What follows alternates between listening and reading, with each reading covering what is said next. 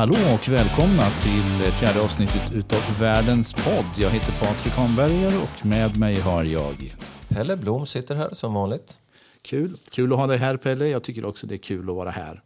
Hör du, hur har veckan varit? Eh, det har väl varit rätt bra. Vi, det har ju varit lite vinter här sen senast och, och eh, sen vi går ju mot jul och man har, jag har varit inne på julbord. Jag äter inte speciellt mycket julbord för att min mage pallar inte det. Man äter inte så mycket mat normalt sett och så plötsligt ska man sätta sig och trycka i sig. Ja. Ja, det låter ju sjukt snacka om eh, över, vad ska vi säga, ett samhälle som har överflöd när man liksom börjar prata ja. om sådana saker. Men, det, men var det, det gott? Ja, men det är jättegott. Eh, var, ja, med företaget som jag jobbar så är det med på Karlslunds herrgård varje mm. år. Och. Och de tycker jag är jättebra. Liksom. Ja. Men eh, det är väldigt mycket mat och, och, jag kan inte äta så mycket. Så det blir, man får verkligen... Mm, mm. I år hade jag lärt mig lite mer och ja. hur jag ska göra. Så att i, i år klarar sig magen hyfsat bra. Jag tog inte så mycket. Men, men det är ju lite överordnat. Man vill gärna trycka i sig en hel mm, mm. del. Då. Men det är en konstig tradition att man på ett par timmar ska trycka i sig en massa mat. Det är egentligen ja, så någonting... Är och så ska man ju testa allt också. Ja, men egentligen, jag hade ett samtal eh, tidigare idag eh, med eh, en person som sa tanken med den här traditionen är ju liksom att man har suttit i en jäkla massa timmar. Ja. För man går då och då och äter. Vi trycker i oss det bara på några timmar och sen tror man ja. att kroppen ska må bra. Det gör mm. den ju inte. Nej. Men, men det var trevligt och det var god mat i alla ja. fall. Ja, jag har också varit iväg. Det är ju en fin tradition och det hör ju till lite grann. Så är det. Ja. Jag har även varit och lyssnat på musik. Jag var på en riktigt rolig konsert här. Eh, jag vet inte, har du hört talas om Steven and the Seagulls? Ja, det har jag faktiskt. Ja. Eh, de de lirade ju på Frimis-salonger här. Eh, okay. Det är finländare som spelar eh, rockmusik, rätt mycket hårdrock faktiskt, eh, fast på traditionella instrument, alltså på akustiskt. Det är ju då, fast det är mickat förstås, men det är ju kontrabas och det är banjo, det är, det är gitarr och det är fiol och det är dragspel och det är allt möjligt. Så det ja, är men är det, inte de som har, är det de som har på Youtube någon som ja, har rullat runt med precis. ACDC? Va, ja, eller? precis. Mm, det är de. Då har jag sett ja, det. Det var jättebra. Riktigt duktiga musiker är de ju. Vad häftigt. Var kul att de spelar live på samma sätt. Jag trodde ja. det var något, att de bara gjorde det på just den där, att det Nej. var något special. Nej, de har varit på Sweden Rock också tror jag faktiskt. Aha, det, okay. var, det, var, kul att få se dem äntligen. De, det har varit på gång länge det där. Så att, eh, all cred tycker jag till eh, Kim och, och Frimid Salonger att de ordnar såna här konserter. Ja, roligt. Jättebra för musikstaden Örebro. Du vet, jag, jag vet vad jag har gjort mer? Nej. Jag tittar på hurling. Nej. Jo. och? Jag var inne och tittade på ett sammandrag av finalen All Island-finalen från eh, 2014. Ja, men det är den som var så spännande va? Ja, den, det, jag såg ju inte hela det i och med nej, sammandrag. Men, men det verkade jättespännande och det var ju världens fart. Och det, det small ju både här och där. Och, och det, men en grej begrep jag inte. Det slutade oavgjort. Kan det göra det i final? Eller ja. är det flera finaler? Ja, det, det är omspel. Aha. Ja, så att det är ju, men då är det den, den var jag på. Och ja. den var helt makalös faktiskt, mm, den mm. finalen. Jag kommer så väl ihåg att när det var ett par sekunder kvar så var det en i, som slog in alltså, så att det blev oavgjort. Mm. Ifrån, det var en back som ja. normalt sett inte gör några poäng som vevade iväg den där det jävla bollen mm. ifrån mm. nästan halva plan ja. och den gick in. Ja. Och det var helt, det var faktiskt, det, här ordet magisk ska man vara försiktig med, men, mm. men då var det nästan magiskt för det var så osannolikt, det var sån upphämtning. Så det var, mm. nej, det var häftigt, det var kul att du såg just den, för den, den är verkligen speciell. Jag ska titta lite mer. Ja, bra. Härligt. Kul att ha lärt sig något nytt. Titta på hurling. ja, bra. Du, dagens program, vad ska vi prata om idag? Eh, Stavanger, det är mm. en plats som ligger dig varmt om hjärtat. Ja, jag tänkte uh, hypa det lite. Mm. Mm. Ja, det är kul. Det ska bli intressant att få höra. Du, eh, du, du sa magiskt här. Det, man ska, ska vara försiktig med det ordet, men det var ju en annan magisk tilldragelse igår. Det var, det var sista loppet i Formel 1-säsongen. Jag tänkte prata lite om det. Det var, det var något alldeles speciellt. Jag har alltså. läst om det, så jag mm. förstod att, det, att någonting var ja, väldigt Jag känner speciellt. att jag måste prata om det. Såklart. Sen är det ju snart jul. Vi kan väl kalla det här för en liten juledition. Så att mm. både du och jag ska väl prata lite jul. Mm. Ehm, jag från Spanien och du från Växjö. Ja, precis. Får återkomma om, ja. om varför just Växjö. Ja, precis. Och sen blir det ett par anekdoter. Mm, som mm. vanligt. Som vanligt. Men du, vi drar väl igång och jag lämnar ordet till dig. ja. Eh, Stavanger. Ja, du ställde frågan vad ska du prata om med Stavanger? Liksom. Mm. Nej, men, grejen är den, vi sa ju det från början med den här podden att eh, vi ska prata om saker vi gillar och sådana vi vill kanske hissa lite eller hypa eller bara informera om och sådana saker. Och att det är en del av det hela. Och jag tillbringade ju två år i Stavanger. Det skulle ha varit tre år, men det blev två år beroende på ett brutet ben kom emellan. Men jag spelade alltså fotboll där. Mm, mm. Och eh, jag hade noll koll på Stavanger innan jag kom dit. Så jag hade bara varit i Oslo i Norge mm. innan, innan jag flyttade till Norge. Och eh, Stavanger ligger på västra sidan. Ja, eh, 30 mil ifrån Kristiansand som ligger liksom längst i söder, längst i söder ja. utåt, liksom västerhållet.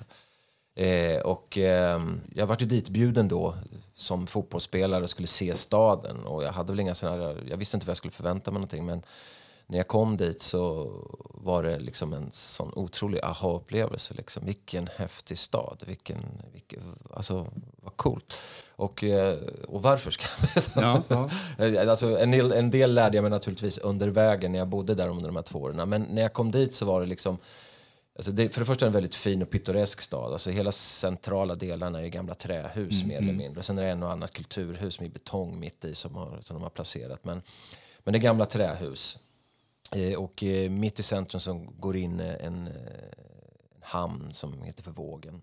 Mm. Och där, det är en sån här djuphavshamn så att i den här hamnen så kommer det in såna gigantiska cruise, cruising-skepp. Ja. Alltså du vet de här riktigt, riktigt höga mm, som mm. går genom ja, hela Europa och i Karibien och såna grejer.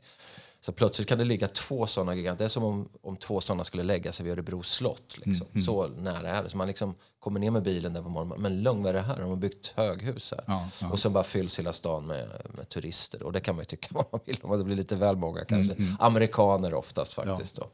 Men just den själva känslan och hela det här med att köpa fisk färsk i, i, eh, i hamnen. Liksom. Mm.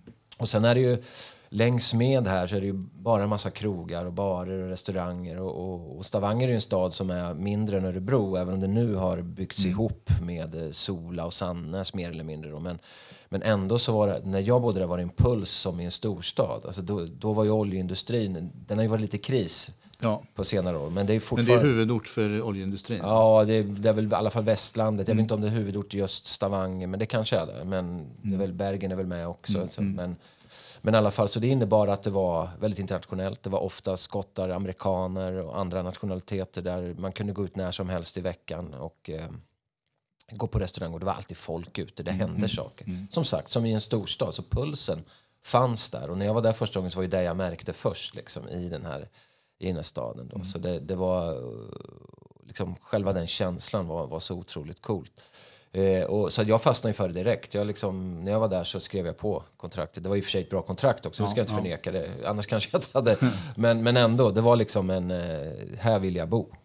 Det var inte så här, jag åker hem och funderar på mm. det. Och det var speciellt. Påminner det om den svenska västkusten något eller är det helt annorlunda? Nej, men det gör det säkert med tanke på det finns ju också en del, eller rätt mycket trähus i de här mm. mindre mm. orterna, liksom i Bohuslän och så. Ja. Men det här är ju större då, ja. så att det blir på ett annat sätt. Men det är klart att, och det här lever, Stavanger lever ju året runt medan västkusten och mindre orterna där är ju är ju sommarstäder mm, oftast. Då, så att, men visst påminner om det. Västlandet är västlandet. Och det är, mm. Jag menar, Stavanger är ju, är från fiskindustrin från början. Det var ju relativt fattigt där förr och det är ganska religiöst. Och, och det är väl lite så på västkusten i Sverige mm, också tror jag.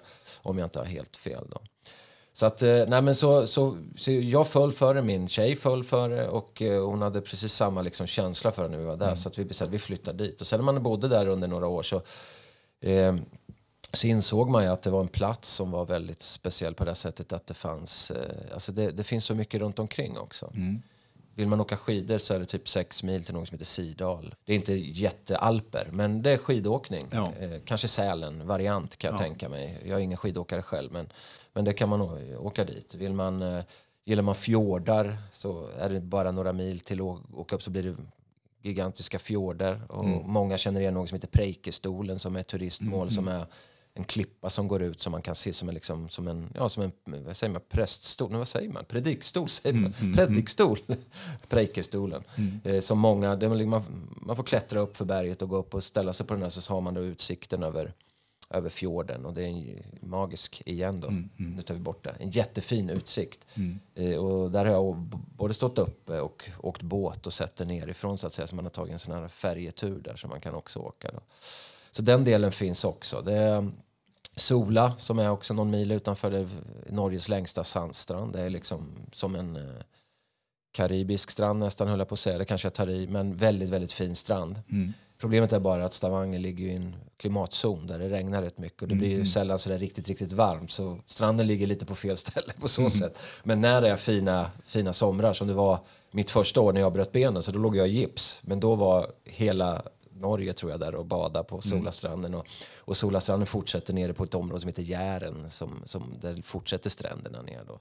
Och dessutom om man är intresserad av fiske så finns det fiske, liksom nästan lite mm. så här skotsk känsla, sådana här eh, forsar och mm. där man kan och det finns eh, alltså naturen med vattenfall och kalla eh, när vattenfallet kommer ner så samlas då vattnet. Ja, just det, där, som en damm eller vad man ska damm, kalla det för. för det. Ja, liksom. Så ja. där liksom kunna bada där också. Så det, det finns så otroligt många olika grejer man kan göra ifrån Stavanger Det är nära till, till mycket. Ja, det, jag, jag, tror inte att det är mer, alltså det är absolut inte tio mil till Nej. något av de här sakerna. Det är snarare, det är från, ja, sex mil har jag ju skidorna och det, mm. allt det andra är närmare mer mm. eller mindre. Mm. Sen kan man ju alltid dra vidare lite till så förstås. Då. Sen, sen finns det ju, man kan åka norröver mot Haugesund till och där liksom åker man ner i en jättetunnel eh, under, under liksom... Eh, nu gör, nu gör eh, Pelle ja, precis, en gest här. ja, precis, man pratar med händerna också. Så att, ja.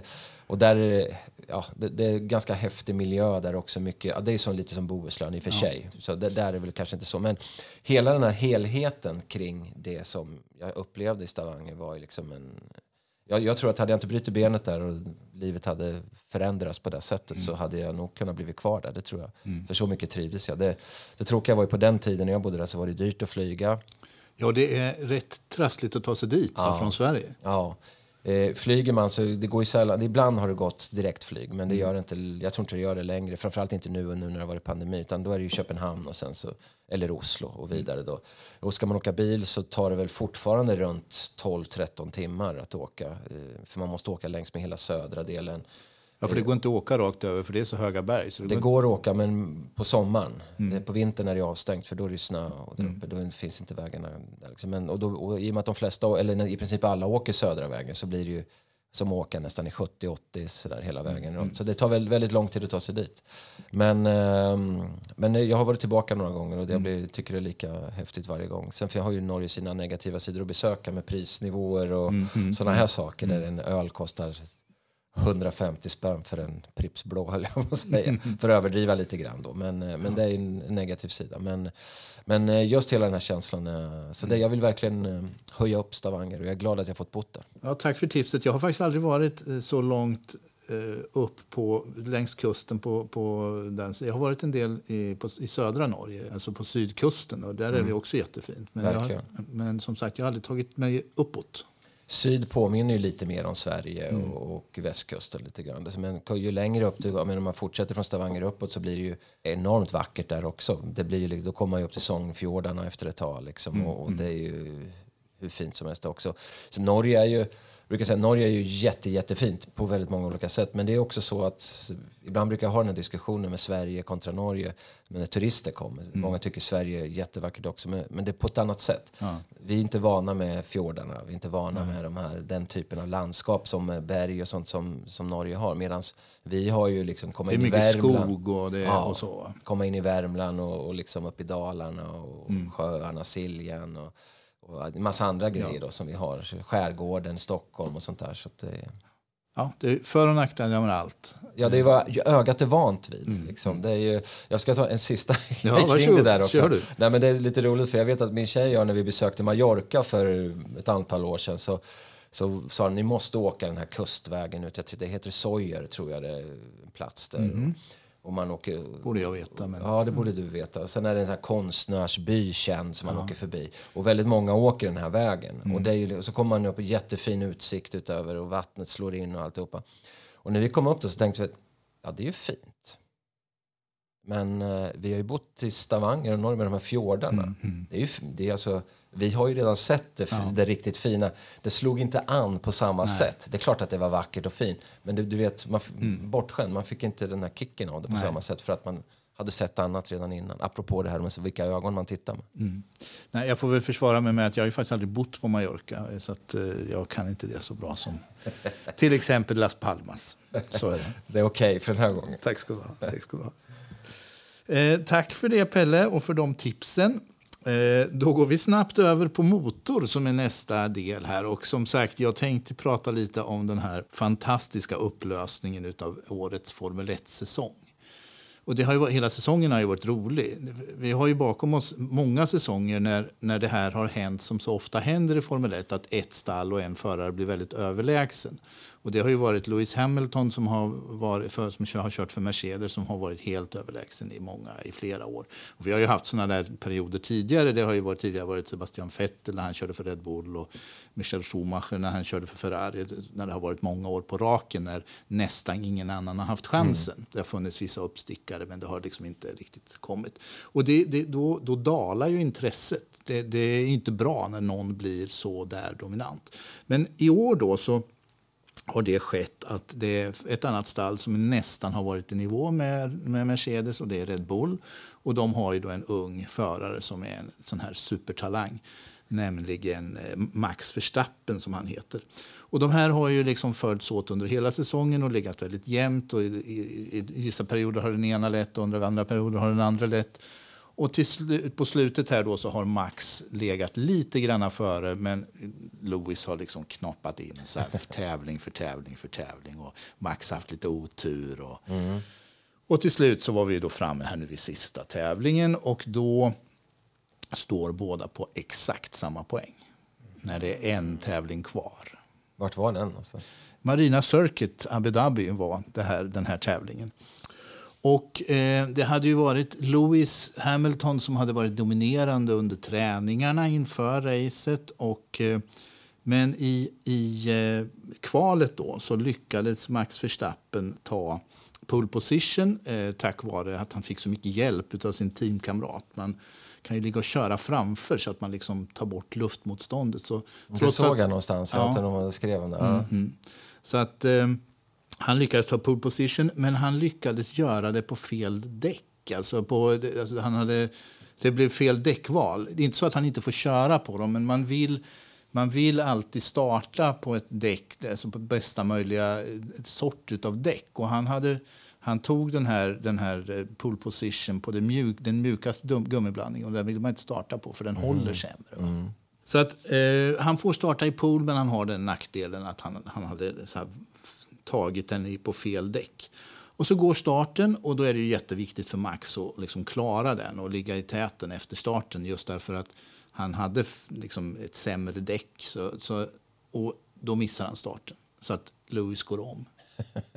Men i, i första kurvan så lyckas Max komma upp jämsides och trycker Lewis Hamilton av banan så att han genar i kurvan och liksom ja. studsar upp på banan efter kurvan och mm. är först. Okay. Och det blir ju vilda protester förstås. Men den här incidenten lämnas då utan åtgärd. Så här i sista racet så ska mm. det mycket till för att man liksom ska börja med bestraffningar och såna här grejer. Och då ligger ju Lewis jättebra till. För han, han är före, han hade bättre däckvalet. Mm. Och det går inte så länge innan Max däck börjar gå av då. Så han blir tvungen att gå in. Aj, aj. Ja, och byta däck. Eh, och det kommer ju, skulle ju Lewis bli tvungen att göra förr eller senare också, men det är alltid sämre på det sättet. Mm. Så att när han kommer ut igen då är han ju hopplöst efter. Till slut så går även Lewis in och byter, men det är ändå så att han har ett mycket bättre läge. Då sker det en incident. Så att Max kan, eh, för det är ju så att när det sker en incident så kan man ta ut säkerhetsbil. Och när man tar ut mm. säkerhetsbil då går ju hela fältet saktare. Mm. Går man in och byter däck då, då förlorar man inte så mycket. Därför att de andra hinner ju inte komma så mycket före. Då. Så att Max har tur på det sättet. Han lyckas komma in och få byta. Men och för att göra en lång historia kort så under hela loppet så ligger Lewis Hamilton hela tiden före. Och han, eh, det ser liksom helt hopplöst ut. Och när det, när det är tio varv kvar då säger Christian Horner som då är stallchef i, eh, i Red Bull att ja, nu ska det liksom ske ett mirakel här för att vi ska kunna ta den här VM-titeln. Och så sker precis det där miraklet när det är fyra varv kvar. Då kraschar nämligen Nicolas Latifi och eh, Mick Schumacher, som alltså är son till eh, pappan. Eh, pappa okay. till honom är Michel Schumacher. Uh -huh. Han kör nu, sonen kör. All right.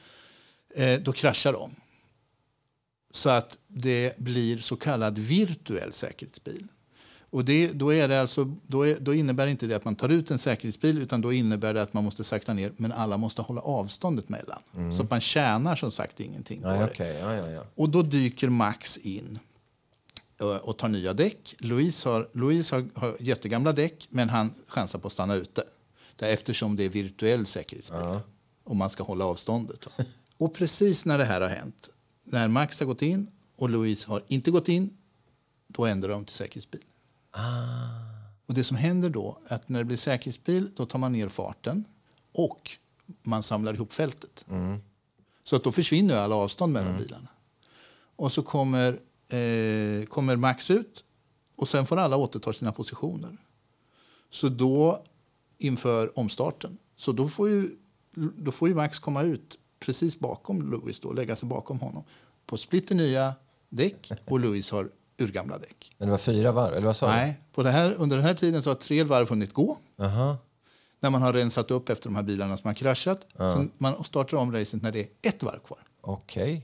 Och det blir ju vild racing de där två emellan. Hur långt är ursäkta, men... Ja, ett varv tar ju bara en och en halv minut. Okej. Okay. Ja.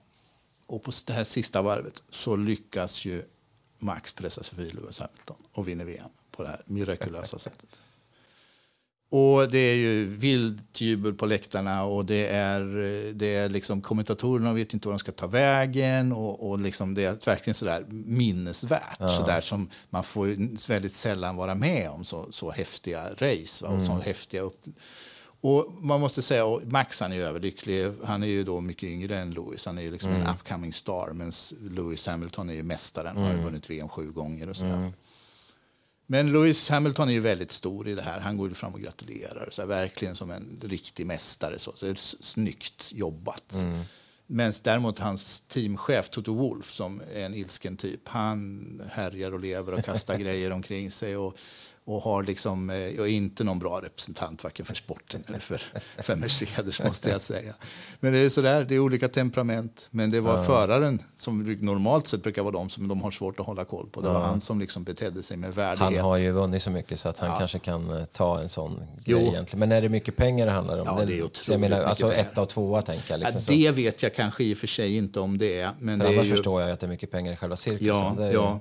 Men däremot så är det, det är så här att han har ju vunnit sju, VM sju gånger, Lewis Hamilton. Det finns ju bara en annan som har gjort det och det är Michael Schumacher. Så att de ligger på lika. Så att han Aha, hade ju han tänkt att han skulle bli historisk och ah. vara den ah. första som har tagit åtta VM-titlar. Och så brände han ju det nu då. Då blir det lite jobbigare. Då blir det lite jobbigare, ja, ja. Aj, aj. Ja. Så det där var en, det var en, det var en, det var en rolig eh, eftermiddag en rolig söndags eftermiddag att titta på det här. Ja, men det förstår jag. Det, jag, menar, det, jag tror jag var inne på det någon, när vi pratade motor förra gången, men just F1 var ju... Det är ju min bild som inte följer motorsporten är just att den är så förutsägbar hela mm, tiden. Mm. Då, att man vet precis vad som kommer att ske, att det är materialsport, det är några mm, som hela mm. tiden klarar sig. Mm. Så jag förstår upphetsningen ja, från er ja. motorfascinerade Jo, men så är det. Det, när, det, det, här, det här blir ju liksom Formel 1 som det var när det var liksom som bäst. Eller, ja. Ja, många tycker att det var bättre förr, men så är det ju med mycket. Ja, jo, jo så är det ju alltid. Det. Ja. Men du, var det däcken som avgjorde i slutändan eller var det bara liksom skicklig körning? Eller kan man säga det? Ja, det var den här gången var det ju Max som hade lite extra tur. Det har ju, det, han har väl kanske haft lite mer otur tidigare under säsongen, men det har ju jämnat ut sig med mm. det här. Mm. Va? Så det var ju det där att han gick in och så blev det säkerhetsbil så att han kunde gå i fatt mm. och så mm. fick han starta om på fräscha däck och mm. sådär. Så att, ja, men de har ju, var ju fantastiska båda två under mm. loppet. Ja. Eh, Lewis körde ju det längsta på urgamla däck och lyckades ändå prestera liksom, jättebra varvtider och så. Men nästa år så är det nytt, nytt reglemente så då kan det bli en helt omkastat igen. Ofta vid såna här reglementsändringar när man det gäller, när det kommer liksom nya regler för hur bilarna ska vara byggda och hur, vad man, hur man får ha i motorerna och sådär.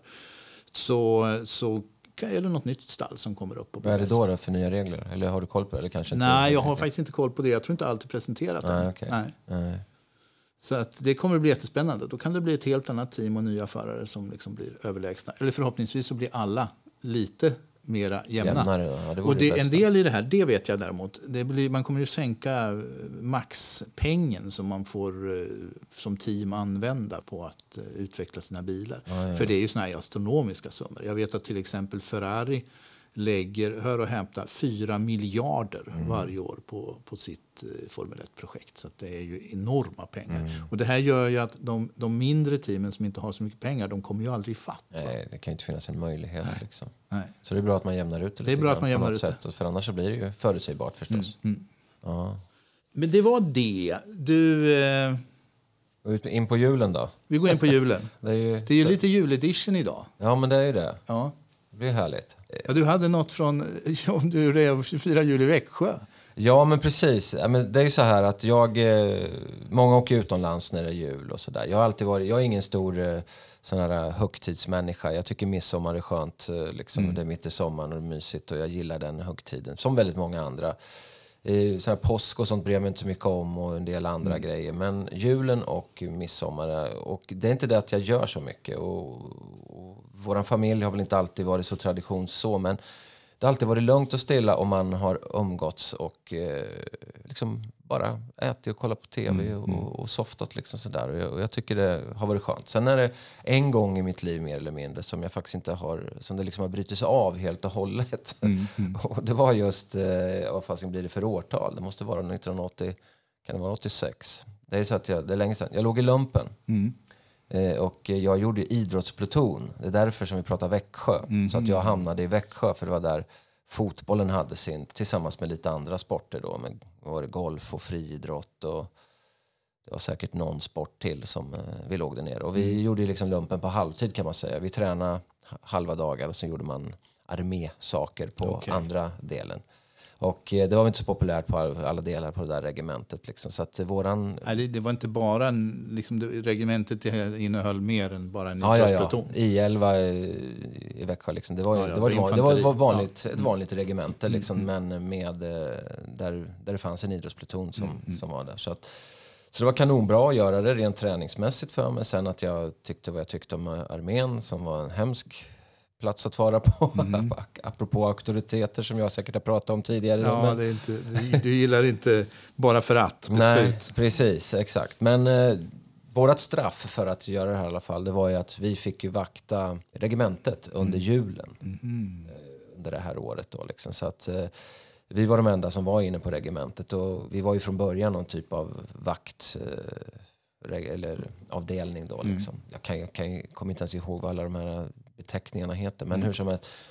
Så, att det, så det vi gjorde under hela den här julen var ju att ändra så var man under den här eh, själva vaktdygnet där man liksom, då var man på en speciellt hus där mm. vi liksom, eh, ja, varannan, var tredje timme eller vad det var, man cyklade runt och gick runt regementet. Mm. Och, och, där inne var det väl inga konstigheter, men vi skulle ju ut och och kolla vapenförråd och mm, sådana här mm. grejer en bit utanför liksom, regementet. Och det, var, liksom, det snackades om att ja, men såna här, vid den här tidpunkten på, på året brukar eh, sådana som vill göra, eh, ja, de vill stjäla stjäla vapen eller kanske mm, faktiskt mm. jävlas med, med oss. Då, så, så då, och jag, jag kan få erkänna det, jag var inte världens kaxigaste sådär att ge sig ut mitt ute i mörkret, mm, mm. ute i småländska skogar. Och, och det var, jag kommer ihåg det var jättekallt, det var en riktig sån här vinter. Och, något av förråden låg väl där vid en sjön och det var isen låg. Du vet hur mm. det kan knaka liksom mm. med isen. Och man, man varit nästan paranoid. Vart kommer det några här? Vad händer när vi kommer fram? Och vi mm. hade ju våra skarpladdade vapen mm. själva mm. också liksom och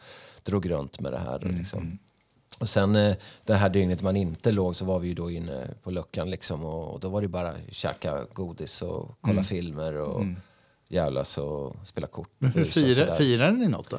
Ja, det firade jag. Det, två saker var väl det ena, mat och sådär, det fick vi jättebra mm. mat. Liksom. Mm. Det var ju absolut inga problem, det var jättespeciellt. Men bra att du nämner det, för det, vi, vi fick ju jag vet inte varför, för det var inte Lucia, det var ju jul. Men vi, vi i alla fall, vi uppvaktade själva staben, var ju vår uppgift. Så mm. att vi, eh, jag gick omkring i någon sorts eh, jag vet inte om man gjorde det samtidigt med att det var både jul och eh, Lucia då, eller hur mm. det nu var. Så att vi kom ju upp där och sjöng Lucia mm. för, för staben. Mm. med, med gänget. Så en av oss var Lucia och sen jag, jag gick omkring med kort, kortigt lakan liksom och sen kängor och Ja. Hade, jag vet att vi hade sångerna uppskrivna på sånt där papper under ljuset liksom, mm. för att man skulle komma ihåg det. Så började det droppa ner på det. Så såg jag ingenting. Och det var stabens fruar, det var ju familjer mm, där mm, liksom. Så, det var, ju, så det, det var liksom våran uppgift också nästan. Mm. Så att, eh, eh, så att vi hade det under hela julen så, så var det här vår uppgift. Då. Mm. Så att, eh,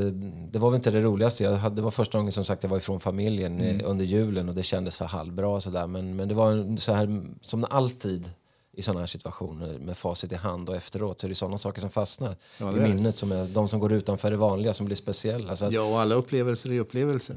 Ja, och jag, sådär, just då tyckte jag, jag, hatade det. Men, men faktum är att ska man vara riktigt ärlig så var det rätt mysigt mm. att vara där helt själva. Mm. Vi skötte oss själva. Det var egentligen ingen som sprang omkring och höll disciplin mer än just när vi var det här mm. vaktdygnet så att ja. säga. Eller hur länge man nu var. Jag vet inte, var det ett dygn eller kan det ha varit två dygn? Men vi hade i alla fall våra olika pass som vi liksom gjorde mm. då. Så, att, mm. så det var speciellt. Ja. Det var en jul bland alla andra jular. En sådan jul är också en jul. Du, jag tänkte också prata jul och jag tänkte prata lite om hur det är att fira jul i Spanien. Eh, det är inte som i Växjö. Eh, det är inte heller riktigt som i Sverige generellt. Det finns givetvis mycket som påminner, men, men det, det, det, är, det, det är annorlunda. Eh, framförallt det som är annorlunda det är väl att fokus på firandet för barnen eftersom ju julen både här och i Spanien väldigt mycket är barnens högtid där finns det en avgörande skillnad och det är att det här med tomte på julafton eller juldagen som i en del länder, det, det finns inte traditionellt som i, i julfirande. Utan i, I Spanien så firar man i första hand med presenter och sånt på trettondagen. Eller på, ja, på trettondagen. Mm. Och det där beror på att det man firar det är inte Jesu födelse, även om man gör det också, för man firar ju vid jul också. Eh, utan man firar när de tre vise männen hittar Jesusbarnet på trettondagen. Där. Och, eh, firandet börjar redan den femte på trettondagsafton. Då, då, då inträder nämligen Las Cavalgatas. Då kommer de tre vise männen på sina kameler. Och de, de, eh, de heter ju enligt traditionen Melchor, Gaspar och Baltasar. Och då kommer de och så, eh, det blir alltså som en sorts karnevaltåg. Va? Och de, har, de är utklädda då i fina dräkter och de har parser med sig. Och, och så delas det ut godis till barnen. Så börjar firandet. På När du säger att de kommer, är det inne i staden? Då är det inne i stan. Mm. Alltså det, man har sådana firanden mm. då i, i, i stan. Mm. Eller i byarna eller, eller sådär. Det mm. arrangeras det här för barnen. Sen är det då så på trettondagsafton att på kvällen, och här, nu börjar det påminna lite mer om hur man firar anglosaxiska länder fast utan tomte. Då är det så att på kvällen så um, får barnen plocka fram sina skor och så ska de putsas och så ska de ställas fram. okay. Och så skriver man små lappar med sina namn och så ställer man fram kex och mjölk. Och nu minns inte jag riktigt om det där kexet och mjölken om det är till kamelerna eller om det är till de tre vise männen. Men barnen ställer fram det i alla fall för att det liksom ska finnas proviant. I alla fall inte till tomten. Nej, precis. det vet vi. Nej, så är det. Men, och på natten då så kommer ju då enligt traditionen de tre vise männen och lämnar paket till barnen. Och barnen ligger ju vakna förstås. Och eh, många barn de har ju absolut både hört och sett de tre vise männen när de har kommit på natten och lämnat sina presenter. Mm. Och sen vaknar ju ungarna då fyra på morgonen som regel och så ska de ju upp och då, då ligger ju presenterna där som de tre vise männen har varit med. Och sen är det ju liv i luckan hela morgonen. Och då är den traditionella julfrukosten det är Churros, vet du vad det är? Churros. Ja. Det borde jag veta, för det känner jag faktiskt igen väldigt ja, väl. Men... Det är ju, de kan se lite olika ut, men det är ju alltså en sorts... Det, det är, ju, det, är ju, det är ju smet som har friterats mm. i långa stänger. Och de mm. äter man då, så det blir ju som en... en alltså det påminner ju lite grann kanske om våfflor kan man mm. säga, mm. fast det, det, i, i, i konsistensen. Och sen äter man då, om man är barn så är det väl oftast med varm choklad och sen så, eller om det är vuxna så äter man det med kaffe con leche till. Då. Så mm. det är väl den klassiska frukosten där på morgonen. Mm. Och då är det den sjätte. Sen har man en speciell kaka också som man äter på trettondagen. Roscon de Reyes. Det är som en, och där påminner det finns det lite kopplingar. Det är en, det är en vetekaka med saffran i. Så det mm. påminner ju lite om sånt som vi, som mm. vi äter i Skandinavien. Just det. Om jag inte minns fel så lägger man in något i det där också. Och eh, ett mynt tror jag. Och den som får det, ja. Det, om det är att den ska gifta sig kanske. Jag kommer inte som, riktigt ihåg. Lite som gröt och nötter. Lite gröt och nötter, ja precis. Ja. Lite samma idé där. Ja.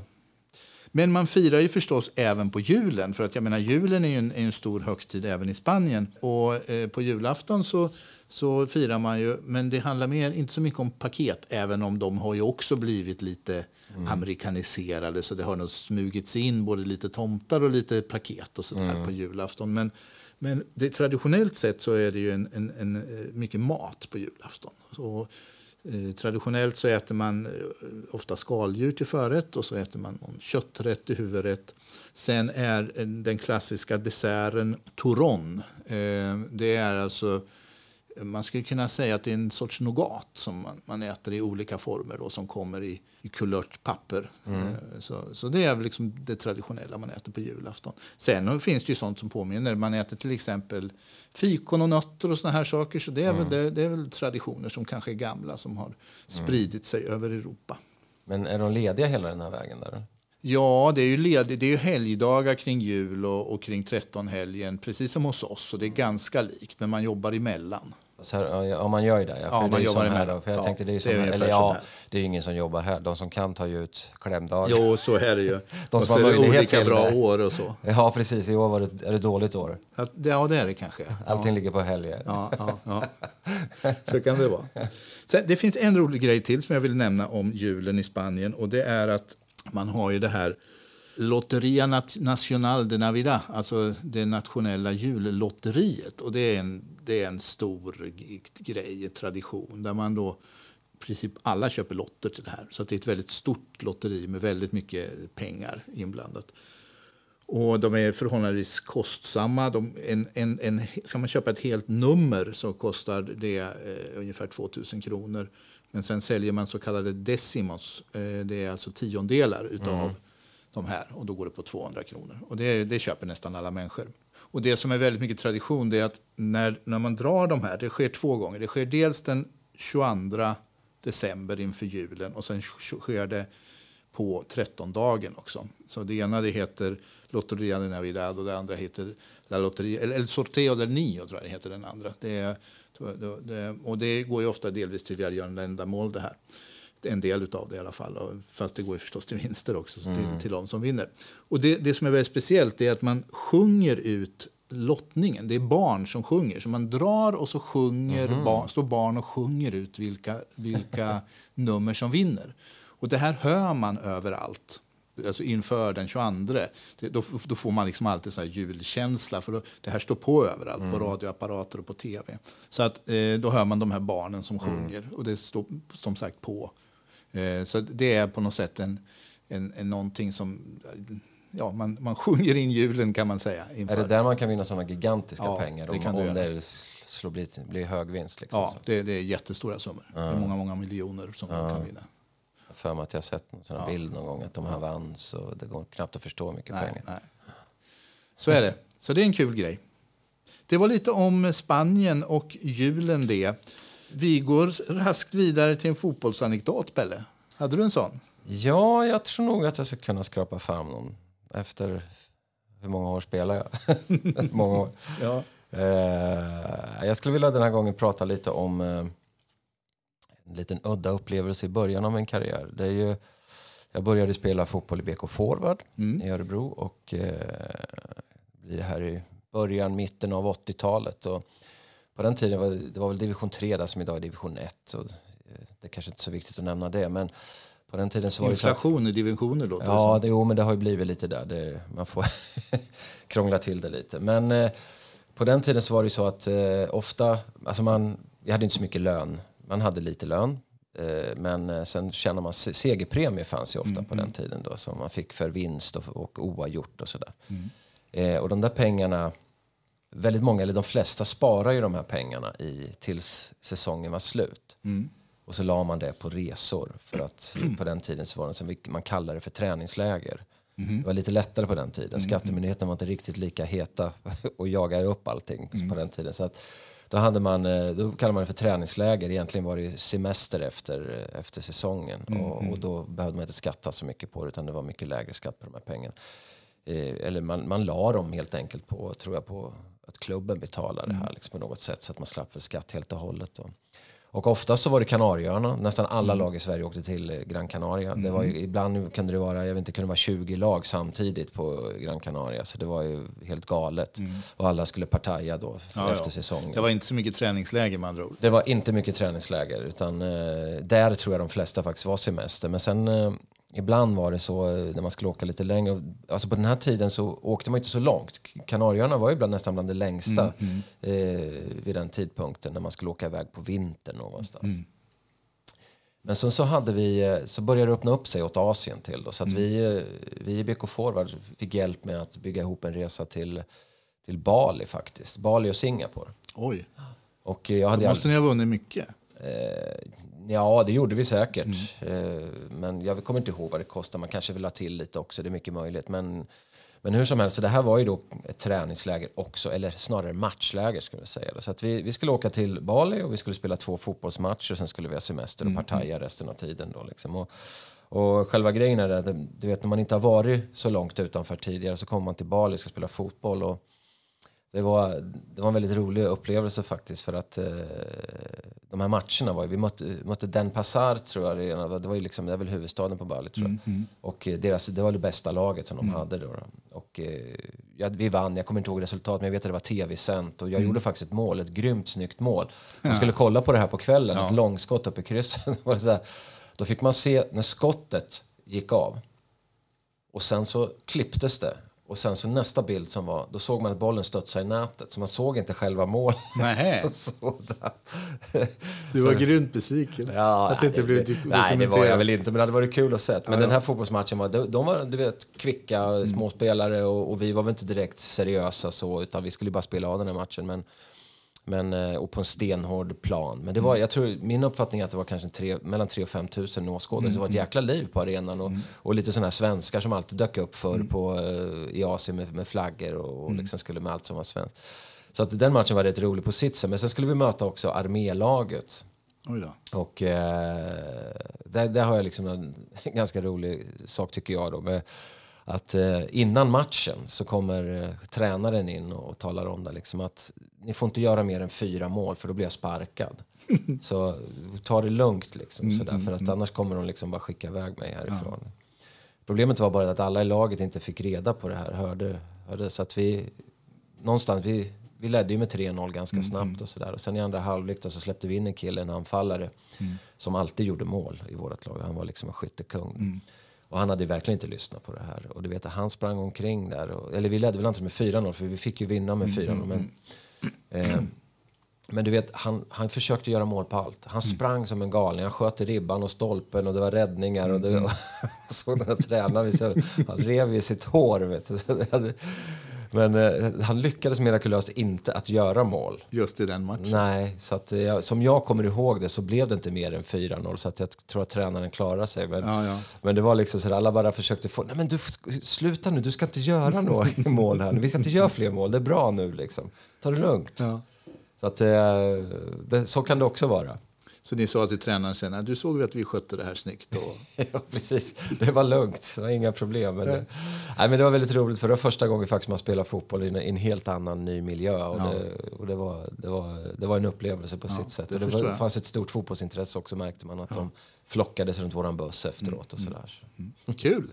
Du, eh, min anekdot den här veckan den handlar faktiskt också om julen, men den, den innehåller en reseledare faktiskt. Eh, det här var... Vi hade kommit eh, till Playa Blanca och jag skulle jobba på hotell där. Jag tror det var ganska... Det måste ha varit första året vi var där. Och, och så blev det jul. Och eh, vi skulle fira sån där familjejul. Och ehm, jag hade lovat att mina barn skulle få tomte den där julen. Och eh, det, var ju, det var ju Spanien, så det var ju mycket spanska traditioner. Men jag, jag var ju lite på sådär att mina barn skulle få lära sig lite, lite svenska traditioner också. För de var ju födda i Spanien. Så jag hade ju lovat att fixa en tomte.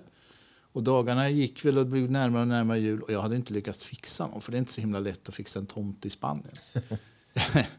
så att till slut så frågade jag Jan som är platschef på fritidsresor som, som jag kände där. Eh, jag jobbade ju på hotellet och jag var inte kvar på fritidsresor men jag hade ju en del kontakt med dem. Så jag frågade honom om inte han kunde vara tomt och vi hade ju inga grejer så vi fick tillverka något skägg där och bomull och hitta några röda kläder som han kunde få på sig. Någon tomtluva tror jag vi hade. Ja, så vi bestämde att han skulle komma då till vårt julfirande klockan sju. Skulle han komma, Jan. Och ehm, eh, klockan den blir ju sju och, och eh, det kommer ju ingen Jan.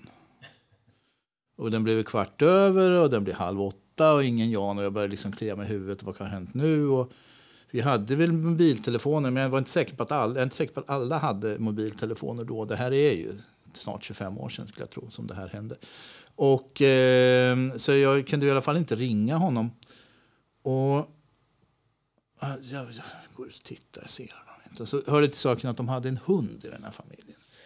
Eh, som vi firade hos. Och eh, det var mina barns mormor och morfar. Och den här hunden, det var, det var en rätt respektingivande sak. Det var en blandning, jag undrar om det inte var chefer i den. Och det var kanske jag tror det var även lite sån här eh, grönlä någon grönländsk ras mm. i den också. Och så tror jag att det var lite Presa Canaria, det är alltså en, en kanarisk ras kamphund. Va? Så det var en rätt imponerande jycke det här. Och så, så när vi satt där och väntade på honom så säger någon, vad är hunden? Så vi går ut och tittar efter hunden. Och när vi är ute och tittar efter hunden där ute då då sticker det fram någon bakom ett hörn. Så här. Så jag går närmare och så ser jag att det är en tomte som, som tittar fram bakom hörnet. Då visar det sig att när Jan ska komma och, och, och liksom, eh, vara tomte hos, hos oss då har liksom hunden vaktat. För att han har ju då, han har inte sett så många tomtar i sitt liv. Så han har ju, ju hakat bort Janne varje gång. Så, att, så, så har försökt komma in hela tiden? Ja, han har försökt, han har hållit på i 45 minuter eller någonting och komma in. Och varje gång så liksom har hunden gjort utfall mot honom. Så det slutar med att vi får låsa in hon, hunden och så får tomten komma in. Annars hade han blivit uppkäkad. Stackars tomten. Han är motarbetad ja, i denna moderna värld. Ja. ja, det var det. Hörde du, eh, det var dagens avsnitt. Eh, vi tackar så mycket för idag. Mm, och så återkommer vi här när eh, det har passerat lite jul och sånt. Mm, det tycker jag att ja. vi gör. Tack så mycket alla som lyssnade. Och god jul! Ja, god jul!